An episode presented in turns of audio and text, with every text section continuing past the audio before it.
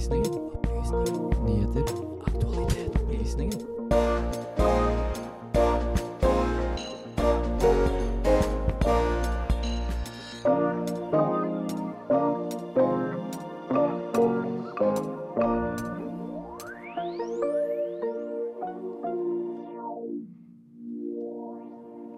Hvordan får vi mest ut av pengene våre?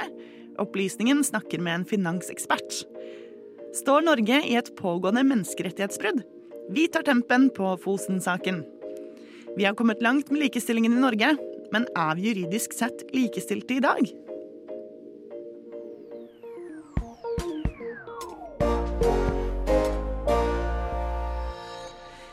Er fredag morgen, og du hører på Opplysningen 99,3 her på Radio Nova. Mitt navn er Amalie Sundby, og det er jeg som er verten for denne lille timen her på Radio Nova. Og med meg i studio er Lise Benus God morgen! og Emma Norstein. God morgen. Hvordan har deres morgen vært? Eh, din er veldig litt rar. Jeg har mista bussen i dag fordi jeg eh, ble distrahert av eh, fuglekvitter. Oi, vet du åssen fugl det var? Jeg aner ikke, det var en blanding. Men jeg bare ble helt sånn Herregud, det er vår! Så nydelig. Og så plutselig ser jeg bare trikken, nei, bussen kjøre. Det har vært helt sånn ah, Ja, ja. Ja, Har våren kommet til deg, Lise? Ikke helt ennå. Jeg syns ikke det er vår før snøen har stukket. Jeg syns det er veldig rart, fordi min søster hun bor i Stavanger. Hun sendte meg en eh, sånn snap i familiesnap-gruppen eh, vår. Sånn 'Å, vi spiser middag på stranden.' Og så sånn, ja. Her er det fortsatt snø. Minusgrader, altså. ja.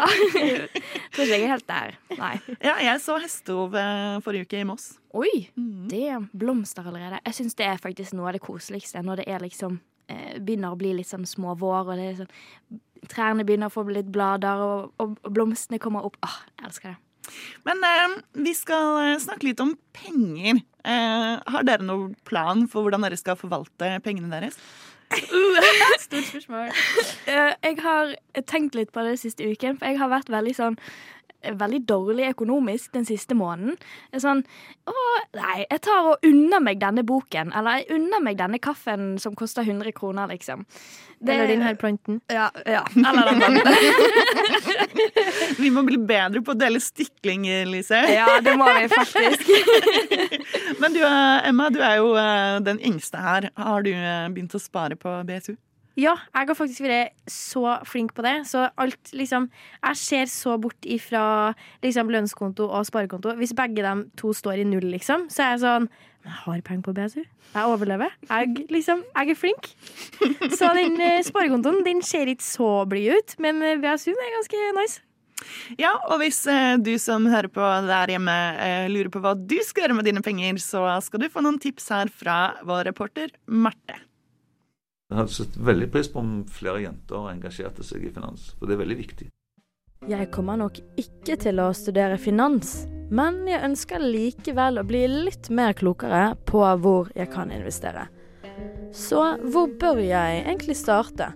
Jeg kan ikke så veldig mye om dette her, men det skal vi finne mer ut av sammen med første emanuensis på Institutt Finans fra Handelshøyskolen BI, Kjell Jørgensen. Så Det beste rådet mitt er hvis du skal inn i aksjemarkedet, er gå inn i et fond. Et fond som du syns er interessant nok med hensyn på selskapet, og som, som du syns er rimelig nok, for de tar seg ulikt betalt, og som uh, du føler er trygt nok. Det snakkes jo en del om inflasjon etter pandemien. Et nokså negativt ladet ord. Så er det egentlig verdt å ha pengene på høyrentekonto pga. inflasjon? Ja, inflasjon er jo dessverre sånn at den, eh, den gjør jo at pengene taper seg i verdi, da. Og si at du har 5% inflasjon i løpet av et år, da. Så, og du får 3% på en høyrentekonto, så er jo pengene dine faktisk 2 mindre verdt. da. Så hver hundrelapp er bare verdt 98 kroner da, eh, i slutten av, av året. da, Så da taper du jo penger. Så på en høyrentekonto i dag så vil du jo dette året, antageligvis neste år, for jeg tror ikke Norges Bank får helt kontroll på den inflasjonen med det aller første. da, Og kommer ned mot 2-3% 2% Men eh, så i år og neste år og så, videre, så tror jeg de aller fleste bankinnskudd vil være dårlig investering sånn sett. Eh, og Da må du kanskje over på aksjer, men aksjemarkedet òg er jo eh, ikke en helt trygg plass om dagen. Hvis dette er penger som du med stor sannsynlighet trenger rundt neste sving, så er det kanskje ikke så lurt å binde de opp i noe mm, langsiktig som aksjer. Da ville jeg kanskje bare brukt uh, høyrentekonto eller noe sånt, altså, for å si det ærlig. Men det er en ulempe det er greit å være klar over når det gjelder høyrentekonto. Få høyrentekonto der du lover på en måte uh, ha maks fire uttak i året. da. Du binder kapitalen din eller pengene dine opp. da. Så du, ikke, du kan liksom ikke trekke på den kontoen når du vil. da. Det er jo liksom det du betaler. Du betaler med å rett og slett sette pengene til bankens disposisjon for en periode, så får du høyere rente. Men da må banken være trygg på at de pengene blir stående der. La oss lage et lite scenario. Si at eh, jeg har klart å opparbeide meg 500 000 kroner, eller arvet en halv million. Hva er da lurt å bruke med de pengene da? Først og fremst, hvis du arver en halv million, akkurat i dag, eh, når rentene begynner å krype oppover på søye Hvis du har gjeld, vil jeg betale ned gjelden. Det er òg sparing. Betale ned gjeld er sparing. Hvis du ikke har gjeld og arver en halv million, så vil jeg selvfølgelig investert dette. Da vil jeg gått i aksjemarkedet og vært langsiktig. Valgt et fond. Men for de som er interessert i aksjer og kunne tenkt seg å ha lært mer om aksjer og finans, så er det ingenting du lærer mer av egentlig enn å starte litt for deg sjøl. Plukke noen aksjer, gå inn på Nordnett eller noe sånt, en, en, og kjøpe noen aksjer sjøl. Sette sammen en portefølje. Si du har 10 000 kroner, så setter du kanskje 2000 kroner i, i, fem ulike aksjer, eller 1000 kroner i ti aksjer, og, og prøve å følge de litt. Da, da er sannsynligheten for at du får en grei avkastning, og samtidig lærer du mye. da. Det her er jo veldig grei informasjon å ha med seg videre. At det tryggeste og mest langsiktige er derfor fond. Men da må man også smøre seg selv med tålmodighet, og kanskje ta ut pengene om 10-15 år, eller lenger enn det. Altså Det er jo et hav av fond man kan investere i. Alle banker og sånn f.eks. tilbyr jo ulike typer fond. Både DNB og Sparebankgruppen, Handelsbanken og Nordea. Forsikringsselskaper altså har fond, da. Store baner osv. Så, videre. så det er, det er en jungel av fond der ute hvilke fond ser mest interessante ut, og hvilke fond kommer liksom best i test. Så det er greit å starte der. Men det er kanskje godt i et fond som satser på litt mer bærekraft, kanskje. Jeg har nå lastet ned Nordnett-appen, og her kan man faktisk følge med på kursen på veldig mange forskjellige eh, selskaper rundt om i verden. Det er en veldig fin oversikt her. Så nå skal jeg bare søke meg inn på Coca-Cola, f.eks. Kommer opp. Her kan man følge med på Coca-Cola sin eh, graf måned for måned. Ja, nå eh, Jeg surfer litt på det store internettet, og trykker meg inn på indeksfond. Og her kan jo man virkelig investere i så mye forskjellig. Altså DNB global indeksfond, KLP. Man må tenke liksom hvilken risiko kan jeg tåle, og hvor mye tid har jeg tenkt å bruke på dette. Hvis du ikke har lyst til å ta mye risiko, eh, og ikke har eh, veldig mye tid på å sitte og følge med på dette, eh, så bør man da velge sånn et helt standard, bredt anlagt fond. Og så bør man kanskje òg ha litt tålmodighet på å vise at dette fondet vil helt sikkert gå bra over tid, men da må du ta deg tid. Jeg tror jeg trenger litt mer tid før jeg skal investere i noe mer risikofylt. Med et litt ustabilt aksjemarked og mine relativt lave kunnskaper om finans, så ønsker jeg å ta litt tryggere valg. Reporter i denne saken var Marte Magnusdal Narkseth.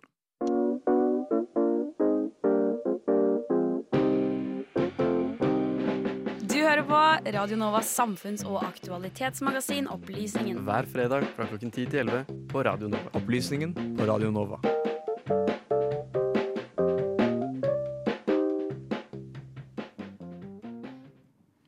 Yes, eh, Hva er deres forhold til natur? Oi. Oi. Det var, et, eh, det var også et stort spørsmål. Ja, det var det. Jeg er veldig glad i natur. Jeg er jo som sagt, som vi kanskje har hintet litt til, veldig glad i planter og sånn. Så jeg synes, altså Det er noe med å på en måte gå ut i naturen og få litt frisk luft, for vi bor jo alle sammen i Oslo. Og det er ikke sånn at det nødvendigvis er veldig forurenset her, men du merker det litt når du går ut litt, eh, litt i skauen og, og sånn. Jeg, jeg digger det personlig. Ja, Emma, du er tydeligvis veldig fascinert av fugler. Ja, um, jeg tror at jeg er litt mer fascinert av vår, for jeg er veldig glad i sommer. Um, men sånn natur generelt. Jeg kommer jo fra et uh, naturholdig område. Uh, et litt mindre litt sånn landsbygd. Men uh, det er liksom ikke det jeg savner mest fra jeg flytta til Oslo. Så jeg vet ikke. Jeg tror ikke at det er en veldig stor del av livet mitt. Nei, men hvis noen skulle gått inn i det naturområdet der du kommer fra, som du er veldig glad i, og gjort en stor endring, sånn at det mistet sin karakter Det hadde vært kjempesyr. Ikke Da hadde det vært sånn, det her er mitt. Ikke pell deg borti noe du ikke har noe med, på en måte. Og eh, det er det vi skal eh, videre til nå, fordi eh, vi har jo noen demonstranter som har em, gjort seg veldig synlige i Oslo sentrum, spesielt rundt eh, regjeringskvartalet. Eh, og nå skal vi høre hva vår reporter Frida Kristine Mogård har å fortelle om hva de demonstrerer mot. Mange har nok den siste uka sett flere bilder og nyhetssaker om demonstrasjonene mot Olje- og energidepartementet. En stor gjeng samer som okkuperte lobbyen i departementet, fram til de ble kasta ut av politiet og siden har demonstrert utafor lokalet. Men hvorfor demonstrerer de? Det hele handler om to vindparker på Fosen i Trøndelag. Storheia og Roan vindkraftverk sto ferdig i 2019 og 2020 som en del av Fosen Vind, som ifølge NRK er det hittil største vindkraftprosjektet på land i Europa. De her vindparkene har møtt stor kontrovers, da reineiere i området mener de ødelegger deres beiteområder. Dette krenker urfolket sin FN-beskytta rett til kulturutøvelse, fordi reindrift står nettopp svært sentralt i flere samiske kulturer. I oktober 2021 fikk de her reineierne medhold i Høyesterett. Enstemmig avgjorde de at samene sine rettigheter var krenka. De viste tilbake til lagmannsretten sin avgjørelse, som sa at rein erfaringsmessig unngår områder med vindturbiner, og dermed gjør reindriften på Fosen trua på sikt. Det er halvannet år siden Høyesterett avga sin dom, men forrige torsdag var det nøyaktig 500 dager siden, som også markerte begynnelsen på aksjonene i lobbyen til Olje- og energidepartementet. Medlemmer av Natur og Ungdom og samer fra Norske Samers Riksforbund, deriblant Ella Marie Hetta Isaksen, står på sitt og ønsker at reineierne skal få områdene sine tilbake. Ifølge NRK mener NU at urfolket sine rettigheter og naturverdier i denne saken veier tyngre enn behovet for her vindmøllene. Men i sin dom sa ikke Høyesterett at vindparkene må rives. De mente at vedtaket om bygginga er ugyldig, da det ikke er gjort tilstrekkelige tiltak for å dempe konsekvensene for reindriftssamene. Vindparkene er altså ulovlige slik de står i dag. I sin dom redegjør ikke Høyesterett for hva som konkret bør gjøres, men de spesifiserer at man ikke kan forvente at reinene vil venne seg til turbinene. Det de derimot sier, er at mindre inngripende utbyggingsalternativer vil kunne ivareta samene sine rettigheter. Men hva svarer staten? Ettersom Høyesterett ordla seg slik at reindrifta er trua på sikt, har staten tolka det her som at vindparkene ikke utgjør et pågående menneskerettighetsbrudd, og at de derfor kan ta seg tid til å finne ut hva de skal gjøre videre. Olje- og energiminister Terje Aasland fra Arbeiderpartiet sier at det kan ta et år før de kan komme med forslag til tiltak, men at de er innstilt på å løse konflikter. Noen av de fremlagte alternativene er at hele eller deler av vindparken rives ned, eller at reineierne får tilgang på andre beiteområder. Sistnevnte har reineierne derimot sagt er uaktuelt. Et kompromiss kan også være et sett flere tiltak som innebærer økonomisk kompensasjon. For aksjonistene er det derimot kun ett alternativ som gjelder. Til NRK sier Ella Marie Hetta Isaksen at den eneste løsninga for dem er at vindturbinene rives, og at området tilbakeføres til samene. Reporter i denne saken var Fride Kristine Mogård. Musikken var hentet fra Blue Dot Sessions. Og så er også Radio Nova her for å gjøre opptak til sendingene sine. Opplysningen. Vi er der det skjer.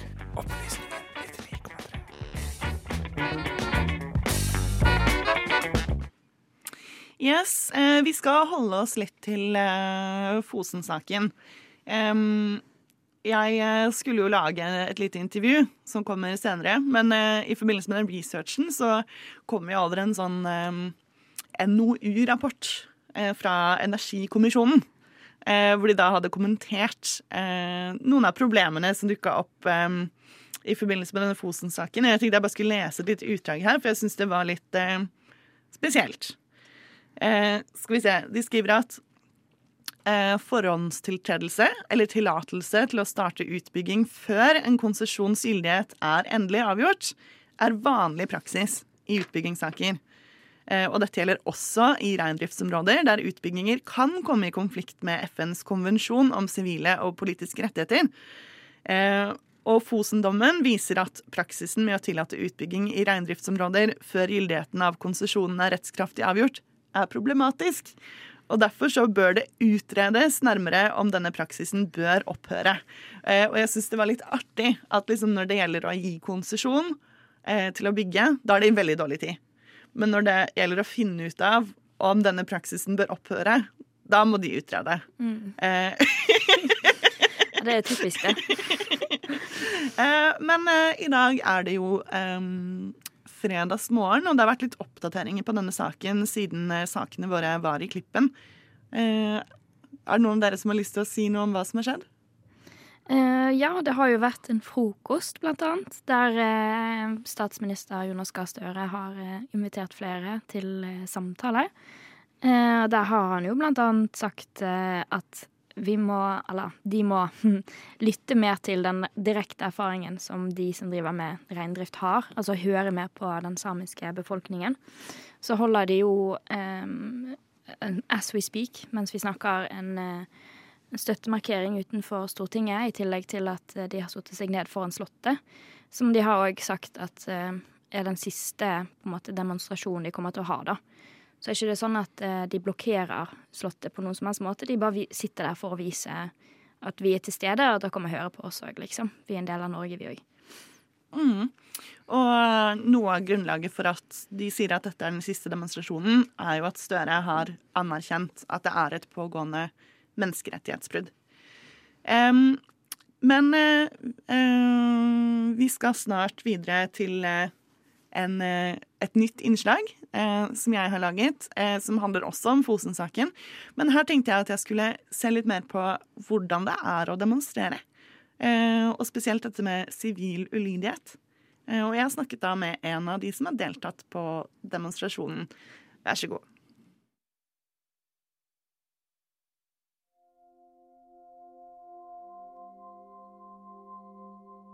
Vi bruker jo alltid begrepene aksjonister, demonstranter. Men altså egentlig, i det her aksjonene så kunne man jo også like så godt sagt menneskerettighetsforkjempere. For det er jo det det her egentlig er. Eh, Og det er viktig å ikke glemme det at liksom, jo, man kan snakke om penger, man kan snakke om alt det her, men i bunn og grunn så handler det her om et eh, menneskerett, pågående menneskerettighetsbrudd som nå har pågått i 507 dager, og ingenting har blitt gjort ennå.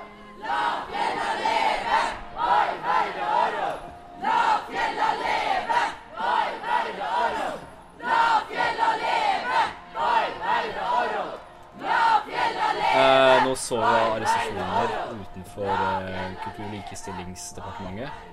Og det er jo da ja, Nå for i dag så det er den andre arrestasjonen. Og så har det kommet anmodning på flere andre departementer òg, så det blir sikkert å skje noe der eh, i løpet av dagen på de andre. Jeg heter Ole Dolmseth. 20 år, kommer fra Dividalen i Indre Troms. Og eh, er her da egentlig i solidaritet, kan man si. Helt fra starten av så har det her vært en samisk aksjon, da. Eh, og så har vi i Natur og Ungdom vært med å organisere og støtte opp det. Dolmseth er en av demonstrantene som 23.2.2023 aksjonerte i lobbyen til Olje- og energidepartementet 500 dager etter at Høyesterett hadde erklært at vindturbinene på Fosen var i strid med samenes rett til å utøve sin kultur.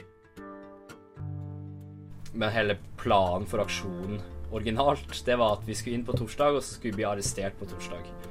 Ehm, det har, det er, har egentlig vært standard prosedyre for uh, Olje- og energidepartementet, og det er det som har skjedd med tidligere demonstrasjoner her før. Uh, men de valgte å bare la oss være der og håpe på at vi skulle ryke ut sjøl. Uh, rett og slett fordi at jeg tror de vet eh, ganske godt at det ser dårlig ut med bilder av politiet som bærer ut eh, samer i kofte fra departementet. Så eh, vi hadde jo ikke planlagt noe, noe som det her. Eh, vi hadde pakka med oss niste til liksom lunsj, eh, men det var egentlig det. Demonstrasjonen ble nemlig mye større enn noen hadde sett for seg. Altså, det starta jo på eh, Olje- og energidepartementet, og så holdt vi oss der. Eh, og på Nå husker man helt med dagene, det var mandag, men i hvert fall tirsdag så gikk vi veldig ut med det at nå stenger vi ikke bare OED, nå stenger vi hele staten. Og da sprer vi oss ut i flere departementer. Og der har vi jo på en måte gjort alt ettersom både vi som organiserer kapasitet, men også hvor mye folk vi har tilgjengelig. Og sånn sett så har det jo kommet flere og flere folk. Det er, folk har, det er mange som ikke kommer seg ned med flybilletter fra f.eks. Nord-Norge, fordi at det er så mange som allerede er på vei og har kommet. Så um, vi starta med OED, og så fikk vi Finansdepartementet, klima og miljø. Vi har tatt ja, kultur og likestilling tok vi i dag. Og så Fiskeri- og næringsdepartementet har vi også tatt. Så man kan si at det har eskalert. Jeg spør om hva som egentlig skjer når politiet kommer og bærer bort demonstrantene. Politiet, når de da dukker opp til slutt, så er første steg i prosessen å gi et pålegg. Da er det å komme og si f.eks.: OK, dere har 15 minutter på å flytte dere, eller så blir vi å måtte fjerne dere med makt. Uh, og så blir man nå sittende, da, og så kommer de da og bærer folk vekk. Noen har kanskje lurt på hvorfor nettopp Natur og Ungdom er en aktør i denne demonstrasjonen. Men i sin miljøpolitiske plattform presiserer organisasjonen at utbygging av vindkraft må ta hensyn til naturmangfold, primærnæringer og urfolk. Der vi står i dag, er at vi er jo ikke helt eh, absolutt imot det. Men det er jo enorme arealinngrep, så vi er ganske Vi stiller oss ofte kritisk. Eh, avhenger veldig av hvor det er. Og spesielt i denne saken, da, eh, så går det utover eh, reindriftsområdet eh, for samer. Og det Ja, da kan man rett og slett ikke finne seg i det. Eh, og nå på en måte som det har blitt så stort og vi trenger flere folk, så har vi også fått inn gamle NU-ere som også har denne kunnskapen og erfaringa. Eh, så vi får organisert det og eh, har sånn lenketrening og slik hvor vi liksom man får praktisert litt hvordan det er man skal oppføre seg når man blir båret bort. Eller sånn taktikker som å slappe helt av musklene. Da blir man ganske mye tyngre.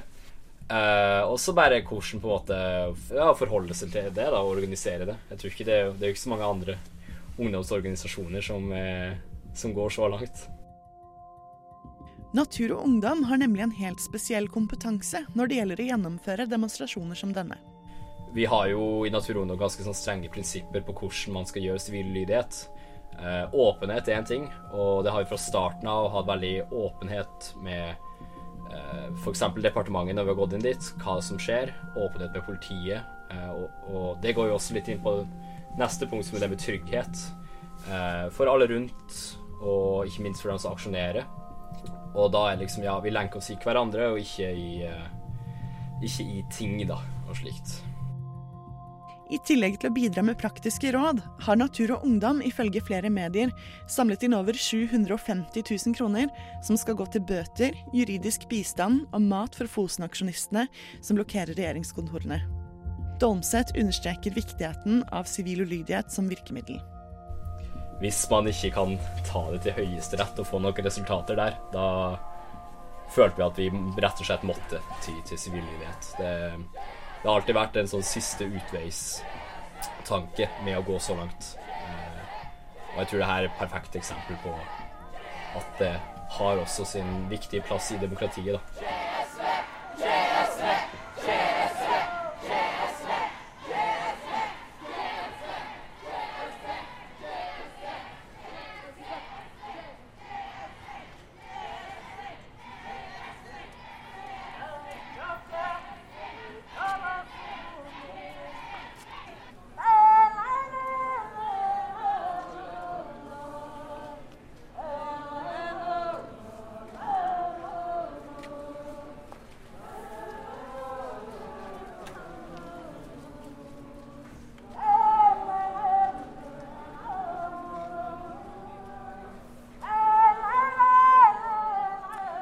Reporter i denne saken var Amalie Sundby.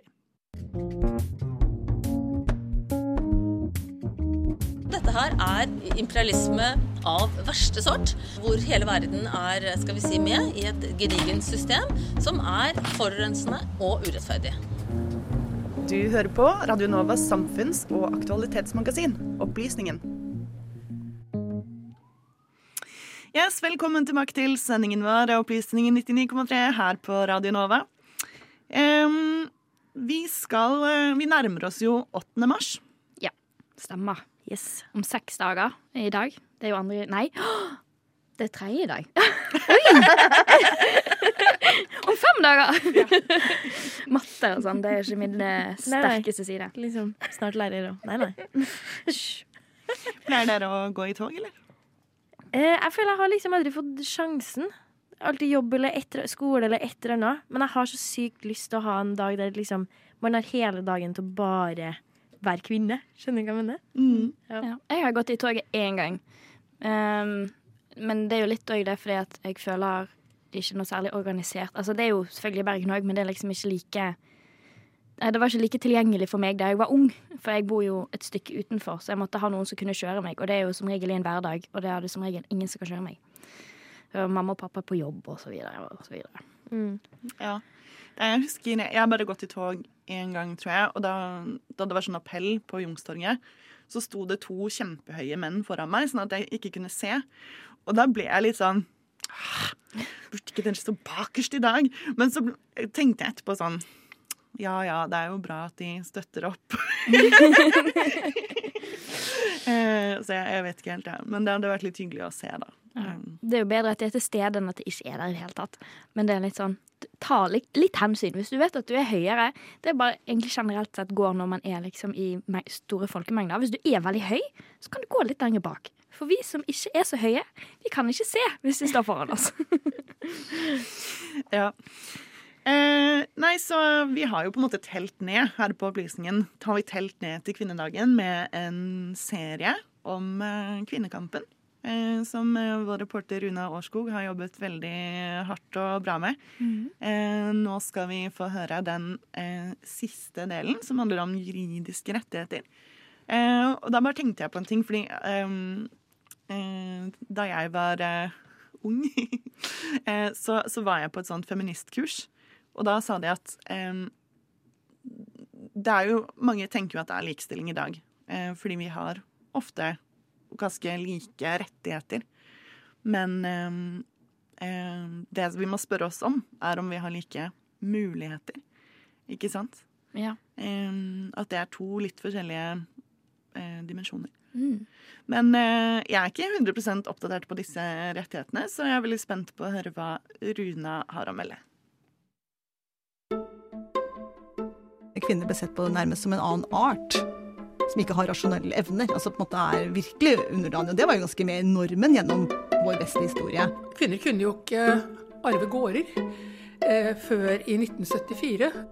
Veldig mange gutter i dag de vokser opp med en helt annen tillatelse til å være lei seg og triste og synes at ting kan være vanskelig. Jeg syns jo at dette med kvinnefattigdom er en veldig stor utfordring. Både menn og kvinner eh, mister veldig mye muligheter. Så jeg har vært opptatt av at menn også skal få nye muligheter gjennom likestillingskampen. Du lytter til tredje og siste episode av Kvinnekampen. Den juridiske likestillingen. Så det har jo vært mange lover som samlet sett på en måte legger grunnlaget for den likestillingen vi har i dag, her i dag. Og det første som kom, kanskje, som jeg vil nevne, det var jo at kvinner fikk myndighetsstatus i 1863. Dette er Anne Hellum, professor emerita ved Universitetet i Oslo. I denne episoden skal hun hjelpe oss med å forstå om kvinnekampen er ferdig kjempet, om vi juridisk sett er likestilte. Det har skjedd en rekke lovendringer som har sørget for likestilling mellom menn og kvinner. I 1936 kom en ny arbeidervernlov som gjorde at kvinner fikk være hjemme etter at de hadde født, og som også skulle hindre diskriminering av kvinner på arbeidsplassen. I 1974 fikk kvinner lov til å arve gårder. Og i 1995 kom den første loven om vern mot seksuell trakassering. Og disse lovene er bare noen få eksempler. Så spørsmålet blir derfor er vi kommet dit at vi er helt likestilte i dag? Så på, på, på papiret så er vi kvinner og menn likestilte. Eh, men det er klart at eh, likestilling kommer jo ikke av seg selv. Og, lovgivning skaper ikke med et pennestrøk sosiale og økonomiske ulikheter mellom kvinner og menn. Og det er jo, det er jo slik at uh, det, skal, det, skal, mye til for lover til å endre den sosiale, politiske og kulturelle virkeligheten. Vi kan med andre ord skryte av likestilling på papiret. Men det dukker til stadighet opp saker som tilsier at kvinner og menn ikke er så likestilte allikevel. Hellum trekker frem at det er en rekke kulturelle og systematiske endringer må til for at kvinner og menn kan være likestilte. Et eksempel på dette kan være trakassering på arbeidsplassen. Hvor dette på papiret er helt ulovlig, men det skjer allikevel mange steder fortsatt. Men dette er ikke det eneste interessante som kommer frem i intervjuet med Hellum. Hun påpeker at også likestilling på papiret ikke nødvendigvis fører til likt utfall, fordi loven er laget slik at den favoriserer menns liv. Og det er jo også slik at lovgivningspapiret er lik for kvinner og menn. Den virker ofte ulikt fordi den ikke tar hensyn til at kvinner og menn lever uh, ulike liv sosialt og arbeidslivsmessig, har ulik tilpasning til arbeidsliv og familieliv. Selv om liksom, reglene om alderspensjon er like for kvinner og menn, så er det også slik at flertallet av minstepensjonister altså er kvinner. Rundt 26% av kvinner blir minstepensjonister, mens 4% av menn blir minstepensjonister. Og dette henger jo da sammen med at folketrygden den bygger på en måte på det vi kaller for en mannlig livsløpsmodell. Altså rettigheter og størrelsen på pensjonene de beregnes ut fra din, din deltakelse i lønnsarbeidslivet. For å få full uttelling så må du ha jobbet fulltid hele livet. Og det er jo veldig stor forskjell på kvinner og menn ikke sant, når det gjelder denne tilpasningen. Fordi en ganske stor prosentandel av de som da er deltidsarbeidende, er kvinner. Og en eh, mye mindre del av de deltidsarbeidende er menn. Og, og dette handler jo om kvinner og menns ulike eh, tilpasning til forhold mellom tidsklemma, forhold mellom arbeidsliv og omsorg. Og dette slår jo veldig ut i pensjon. ikke sant? At kvinner som jobber deltid og, og pendler inn og ut og innretter seg liksom etter, etter familiens eh, behov, de, de, straffes ved å bli minstepensjonister. Det er interessant å se at lovgivningen som tilsynelatende skal skape likestilling, ikke gjør det. Og kanskje enda mer interessant er det å se at dette i bunn og grunn bygger på at vi skal leve på én spesiell måte. I intervjuet med Helene Aarseth fra forrige episode kom det frem at verden var lagt opp til at én type mann skulle lykkes. Og her kan parallellene trekkes. Mellom lovgivningen vi ser i dag, som gagner den ene type mannen i samfunnet, og kvinner og menn som ikke passer inn der. Folk som prioriterer familieliv og omsorg, eller som av ulike grunner blir syke og uføre, vil med dagens lovverk tape på dette. Og i verste fall kan det føre til fattigdom. Eh, hvis vi ser på fattigdom i dag, i dagens Norge, med økende matvarepriser, strømregninger osv., så, videre, så er det jo kvinnelige eldre kvinner, kvinnelige eneforsørgere og kvinner med ulike typer eh, sånn sykdom som går inn og ut av arbeidsliv og eh, trygd. Jeg, og det forbauser meg, ikke sant. Vi har sett alle disse fine programmene til Fredrik Solvang hvor kvinner i fleng står frem. Men ingen har diskutert sagt at dette er et kvinneproblem. Dette handler om kjønn. Eh, så her ser vi jo et, et grelt eksempel på uh, lovgivning som er lik på papiret, men som uh, virker veldig ulikt for kvinner og, og menn, og faktisk talt er noe av årsaken til at så mange kvinner havner i fattigdom. I Norge har vi kommet langt når det gjelder kvinnekampen og likestilling. Menn og kvinner har de samme juridiske rettighetene, og vi blir mer og mer anerkjent som likeverdige mennesker i samfunnet. Men vi er ikke ferdig. Hellum trekker frem at dette med kvinnefattigdom er en av hennes store hjertesaker, og utrolig viktig for at likestillingen skal komme enda lenger. Nei, jeg, jeg, jeg syns jo at dette med kvinnefattigdom er en veldig stor utfordring i dag, og at det er sterke grunner for å ta altså både forskning og politikk da, og kvinnekamp eh, som tar tak i folketrygdreglene og Nav-systemet som er utformet slik og fungerer slik at veldig veldig store grupper kvinner, og da selvfølgelig også barna de forsørger, kommer i fattigdom. Altså det, er ikke en, det er et relativt tilbakeskritt, tenker jeg, slik at situasjonen er i dag, i forhold til intensjonene med folketrygden. Eh, Da disse reglene kom, så, så løftet de jo eh, kvinner opp og ut av fattigdom og skapt for å skape trygge, trygge og verdige forhold, men det har vi ikke i dag. Om kort tid er det 8. mars, og da skal gatene over hele landet fylles med kvinner og menn som går side om side for likestillingen. Vi skal kjempe for felles rettigheter og sørge for at vi skaper den beste verden å leve i, uavhengig av kjønn. I Norge kan vi være ganske stolte av hvor langt vi har kommet. Men vi gir oss ikke før verden har blitt et bedre sted å leve for alle. Kampen fortsetter, og vi ses 8. mars. Reporter i denne saken var Runa Årskog. Musikken er hentet fra Blue Dot Sessions. Mr. Speaker, I am a fighter and not a quitter. I have therefore spoken to His Majesty the King to notify him that I am resigning as leader of the Conservative Party. Opplysningen. Vi trekker oss ikke. Jeg lover. Ja, det er bra du lover på vegne av oss, Lise. Ja, ja. En av oss må ta ansvar. Det er bra. Ja, da begynner denne sendingen å nærme seg slutten, og vi går inn i en helg. Eh, hva er deres planer? Jobb. Ja, same. Mm. Og skrive bachelor. Og prøve å få orden på livet. Ja, Jeg, jeg har faktisk et mål om å For jeg er egentlig kjempedårlig på å se filmer. Sånn det er liksom Folk sier til meg sånn 'Å, har du sett den filmen?' Sånn, nei. Og så er det liksom en kult classic eller en alle har sett, og så er jeg bare sånn Ops. Så jeg eh, skal eh, Jeg har liksom et mål for meg sjøl at hver helg så skal jeg se én film. Jeg vet ikke hvilken film det blir. men Kan jeg gi deg tips? Kan jeg gi deg tips? Em, jeg og typen holder på og har Studio Ghibli-maraton. Og det er, jeg har ikke sett Det er ikke mange av de filmene jeg har sett siden jeg var kid, liksom. Og det, det er så bra filmer. Det er så mange av de filmene som er så fantastisk bra. Jeg har faktisk en tatovering fra Studio Ghibli her på armen. Det er fra Kalsefru. Jo, fra House Moving Castle. Søteste. Du må jo se en Studio Ghibli-film, da. Ja. Kanskje jeg skal det. Kanskje jeg skal det. Mm. Ja, øh, prøvde jeg å tenke på liksom hvilken Studio Ghibli-film syns jeg er best. Jeg, litt vanskelig å trekke frem igjen.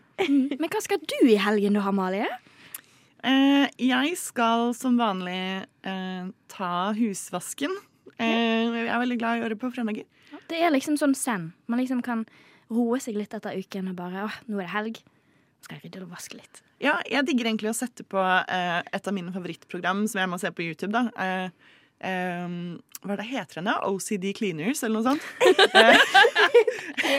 Favorittprogrammet ditt du satte på på fredag, liksom? Ja. Mens du vasker, så ser Ja. du på andre som OCD-vasker. Ja, pluss at jeg drikker litt da. rødvin. Uh, Nice. Men det, det er veldig inspirerende, og de tar liksom sånn eh, tanntråd som de liksom eh, tar under de der knottene på komfyren og sånn, for å liksom få rensa grumset som er Damn. Kan ikke du ta av dem og vaske bak? Um, det har jeg ikke prøvd. Men det, en ting som er litt flaut, er at etter at jeg har begynt å se på det programmet, så har jeg faktisk vaska bort tallene på komfyren min. Oh, Da har du skrubba for hardt. Da har du vaska for mye! Du skrubber dem hver fredag, du. Ja. Men jeg skylder på mikrofiberkluten, altså. Ja. ja. Det er viktig å ha noen å skylde på. ja, så jeg bare håper jeg får det positive mitt tilbake. eh, På tross av det. Yes, Men eh, da tenker jeg at vi eh, sier eh, god helg. Medvirkende i denne sendingen har vært Marte Magnus Dahlen Markeseth, Frida Kristine Mogård, Amalie Sundby og Runa Årskog. I studio så har vi vært eh, Emma Nordstein og Lise Benus, og teknikere har vært Nore Vadstein. Um, og jeg heter Amalie Sundby. Um, god helg. God helg!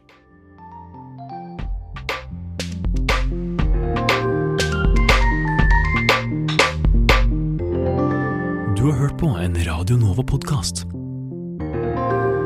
Du finner flere podkaster i din foretrukne podkastavspiller eller på vår hjemmeside radionova.no.